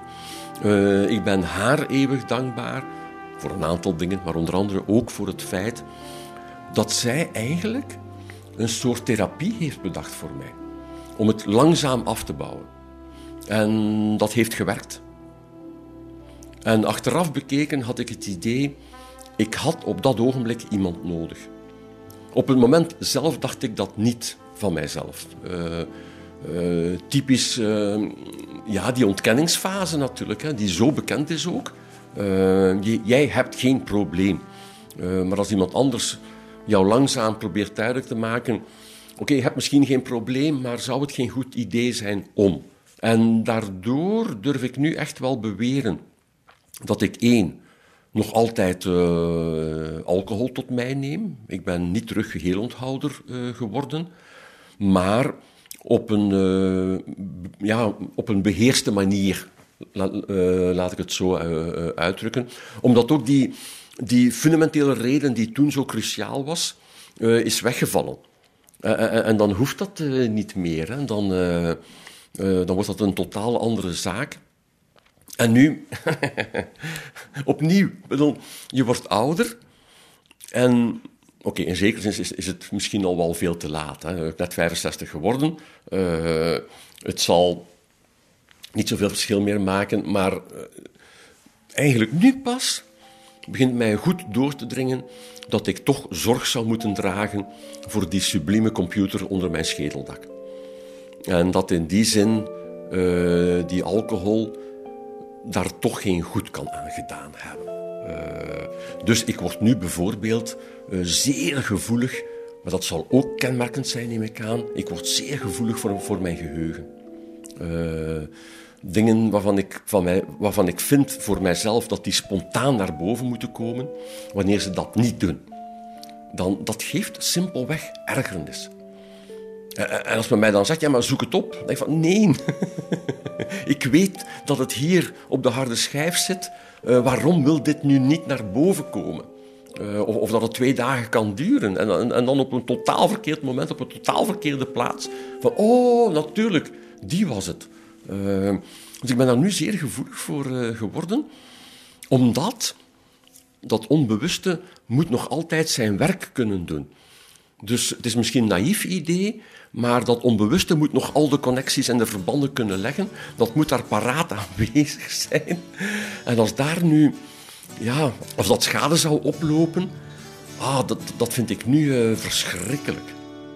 We liepen in Gent rond, we waren met zessen. We kwamen van nergens, ging nergens naartoe. Vanaf de terrassen in de koffiehuizen bekeken we de mensen en hun drukke gedoe. We liepen met ons hoofd in de wolken en werden dan wakker met honger en dorst. En iedereen riep, kijk daar loopt de fanfare, de fanfare van honger en dorst. De fanfare van honger en dorst.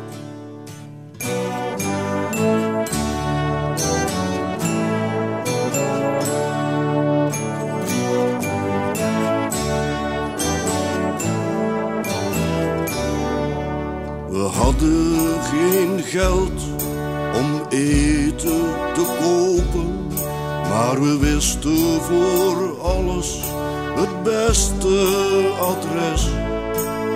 Mosselen bij Leentje en frieten bij Helga.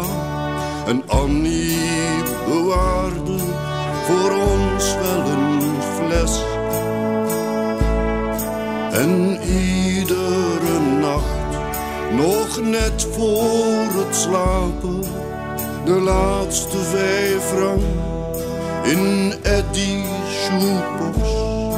A hard rain's gonna fall, we zongen het allemaal samen.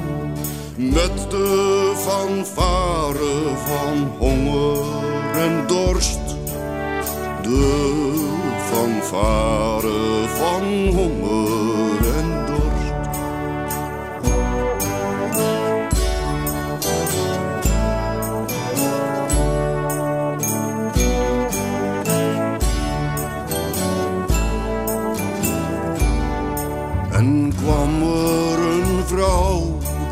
een van ons meenam, dan namen we afscheid en zegde vaarwel. De fanfare trok verder met minder leden, de toon in mineur, we begrepen dat wel. Maar er was nooit een zingen dan onze fanfare van honger en dorst. En het duurde nooit lang of we waren weer samen met de fanfare van honger en dorst. De fanfare van honger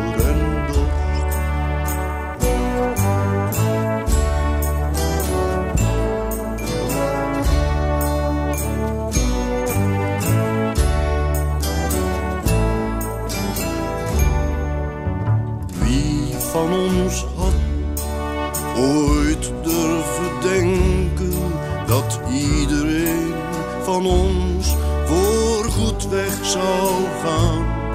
We hebben dan zelf de fanfare ontbonden. We hebben als iedereen de prijs zwaar betaald. De prijs voor de vrijheid in ruil voor wat centen. Een baan bij de bank, een auto, een kind. Maar ergens in de stad zingt een nieuwe fanfare, een nieuwe fanfare van honger en dorst. Een nieuwe fanfare van honger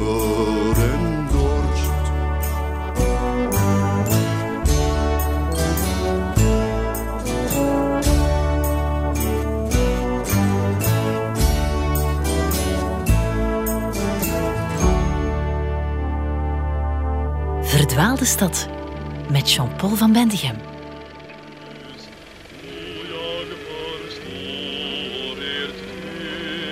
eigenlijk ook voor Gent eh, even eh, betekenisvol Studioscoop. Een van de eerste eh, alternatieve bioscopen in de marge. Dat was de andere film. Je had wel in de academie de Zwarte Zaal, daar werd dat ook gedaan en zo verder. Maar daar kreeg je de films te zien buiten het eh, commerciële circuit. Eh, toen in Gent, lang voor de komst van eh, Kinepolis, eh, daarvoor eh Decascoop, ging dat over de Capitol, wat nu een eh, evenementenzaal geworden is. Eh, de Century, de Select, de Majestique, de Savoie. Eh, maar dat was het eh, commerciële circuit. Daar kreeg je de... Wel, een, we zou- we zouden nu vandaag zeggen een arthouse. Dat eh, voor mij heel betekenisvol geweest hoor. Want eh, ik heb daar, goh, wie allemaal? Eh Vastbinder, Herzog, Greenaway, eh, heb ik allemaal daar leren kennen. Ingmar Bergman, uiteraard, hoe zou ik hem eh, durven vergeten? Hej fader Isak. Fantastiskt när du tåg av position. En dat was echt een alternatieve bioscoop. Daar kon je de grappigste dingen eh, meemaken. In de winter was normaal gezien, dat hoorde zo, was de verwarming kapot. Dus dat betekende jassen aanhouden, goed induffelen. en dan naar een film kijken. Ik, fantastisch. Hè? Dat, eh, en op een bepaald moment, we zitten te wachten. De film begint niet. En de, de, de man die de projectie deed, eh, Herman, eh, komt op een bepaald moment de zaal binnen. En vraagt, heeft er iemand die film al gezien? Nou, wat, wat, wat, is dat nu voor een vraag? En, een paar die de vinger opstaken, heb ik, heb die al gezien. Oké, jij wilt geen meekomen. En ik heb nadien geleerd wat het probleem was. Eh, dat waren filmbobijnen. En eh, één film kon gemakkelijk twee of drie bobijnen zijn. Dus eh, twee projectoren op tijd eh, wisselen enzovoort en zo verder. En zoals de bobijnen geleverd waren, wist Herman niet welke is de eerste bobijn. En dus wat hij heeft gedaan, die bobijn op het eh, apparaat gestoken. En dan die, die, die man die hij, die hij mee naar boven had genomen, die moest kijken naar de openingsbeelden. Omdat, ik weet het nog zeer goed, hè, eh, wilde aardbeien. En dat begint niet met de generiek, dat begint met een droomscène en dan pas krijg je de generiek. Dus hij zelf kon niet weten wat is nu de eerste bobijn. Hè? En dus heeft moeten kijken van, ah ja, ja, ja, kijk, de droomscène. Ja, dat is bobijn nummer één. Jag drömde att jag under min morgonpromenad hade förirrat mig till en för mig okänd stadsdel med öde gator och förfallna hus. Wat voor gevolg heeft gehad dat eh, nadien ik mij heb bedacht. Vaak ging ik samen met, eh, met Koen Raas, ja, wij, deelden die filmgeschiedenis met elkaar. eh, om nadien, en daar gaat het nu om, in het café van Studioscoop. Een zeer mooi café, het is er nog altijd. Hè, dat is er nog. Eh, om dan uren na te palaberen over die film, over hoe het opgebouwd was enzovoorts. En dat het toch wel fantastisch was om die scène voor die scène te plaatsen. Oh, hoe komt je erop? Dat ik nadien dacht, ja, maar misschien kon het wel zijn dat de bobijnen weer eens verkeerd zaten. En dat wat wij dachten een flashback te zijn, eigenlijk gewoon de volgende bobijn was. Hè? Bedoel, dat had perfect gekund. Eh, dat was heerlijk. Hè? Dat, eh, en dat café, ja, dat, dan eh, moet de naam vallen van de legendarische Benter Elst. die als eerste ook met het Internationaal Filmfestival begonnen is. Wat nu is uitgegroeid tot, ja, bedoel, iets wat alle kenmerken heeft van de grote festivals enzovoort. Toen een echt alternatief festival. Dingen die je daar toen te zien kreeg. Oh, een van mijn mooiste herinneringen. Eh, behalve Studioscoop zelf werd ook een bioscoop gebruikt, de Select, eh, aan het Zuidpark eh, in Gent. Nacht van de erotische film. Goed, dat begon om tien uur s'avonds. En dat ging de nacht doorgaan. En eh, wat kreeg je te zien? Echt, bedoel, experimentele, erotische, pornografische films. Eh daar zat er een tussen van Yoko Ono, weet ik nog altijd zeer goed. En dat was een vrijend koppel, alleen de camera stond praktisch op de huid. Dus de beelden die je kreeg waren van een hoog abstract karakter. Dat was zeer mooi om naar te kijken. Maar na een half uur denk je, ja, hmm, de plot valt nu wel een beetje tegen. Eh, dan kreeg je absoluut klinische eh, Scandinavische films. Dat eh, prachtig. witte, totaal witte scène. Alle figuren in het wit gekleed. Uh, enzovoort. En dan, als laatste afronder, vier uur s'nachts, een van de fameuze films van Andy Warhol. Waar je een vrij scène tussen een man en een vrouw in real time krijgt. What do I have to do to make you happy? Look, if you want to make me, you want to make me happy. Do you really want to make me happy? Do my laundry. Dat duurt anderhalf uur. Nooit meegemaakt, maar het is gebeurd. Rond kwart voor vier gingen de eerste naar buiten. Rond half vijf nog een groep. En tegen half zes, toen de film gedaan was, waren we nog met een stuk of vijf. Iedereen had gedacht, we gaan nu een nacht lang ondergedompeld worden in al het vleeselijke wat er uh, te bekijken valt enzovoort. Na een aantal uur zeiden de meesten, ik heb nu wel gezien hoor, dank u. Dat waren die heroïsche momenten om half zes uit een bioscoop buiten komen, heel de nacht films gezien. Je wist nu echt niet meer, ben ik nu opgewonden? Je had zeker niet het idee om daar nog iets mee aan te vangen. Uh, wat dan ook. Wat je nodig had, was jouw bed alleen. Uh, dat hoefde echt allemaal niet meer. Dat waren prachtige momenten. Dat, uh, er is nu recent een, wel een herdenken, ik mag het echt wel zo uitdrukken, geweest van de studioscoop in die periode. Wat een zeer mooi boek heeft opgeleverd onder redactie van Paya Germonpré, onder de mooie titel Scopiumschuivers. Want, en dat moet nu wel gezegd worden, heb ik mij toen zeker niet gerealiseerd. In geen geval. Maar in het boek staat een heel mooi schema dat zij heeft opgemaakt ter voorbereiding van het boek. Namelijk, wie moet er allemaal in betrokken worden? En wat je dan ziet is... Uh, en nogmaals, ik wist dat toen niet. Ik had geen idee. Dat was ongeveer de hele uh, culturele alternatieve scène van dat ogenblik. Eén, uh, de studioscoop, tezamen met de Zwarte Zaal in de academie enzovoorts. Dat waren de trefplekken voor die nieuwe culturele scène die zich ontwikkelde in de nasleep van mei 68. Dus ik heb daar, ja, zonder het te weten, ik mag het niet anders zeggen, heb ik daar deel van uitgemaakt. En dus mij nadien gerealiseerd, ook enorm door beïnvloed geweest. Dus ja, dat heeft mij op allerlei manieren gevormd en heeft mij geleidelijk aan, maar het heeft dan nog jaren geduurd, om in zekere zin tot een aanvaarding te kunnen komen. Eén, met mijn lichaam, met, uh, om, aan, om, om te kunnen aanvaarden, het ziet er zo uit en het spijt mij heel erg, maar de rest van de wereld zal daar moeten maar leren mee omgaan. Uh, dit is wat het is, om de Engelse uitdrukking te gebruiken, deal with it. Van een aanvaarding tot een integratie. Uh, om nu, en dat was ook voor mij een van de belangrijke elementen, uh, zeker in de vrolijke atheïst, om dat te benadrukken. Ik beschouw mijzelf als een integraal ding. Uh, mijn kop, mijn geest, mijn brein, mijn lichaam, dat is één geheel. ik kan het andere niet meer denken zonder het ene. Ze zijn onverbrekelijk met elkaar verbonden. Maar dat is een hele lange weg geweest. Een hele lange weg.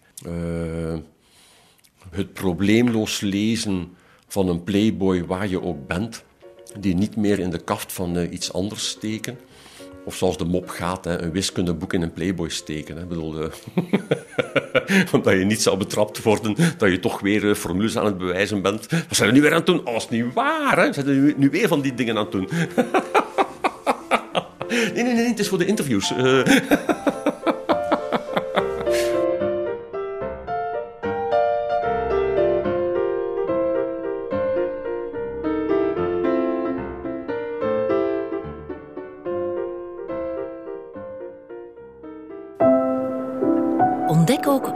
podcasts via clara.be.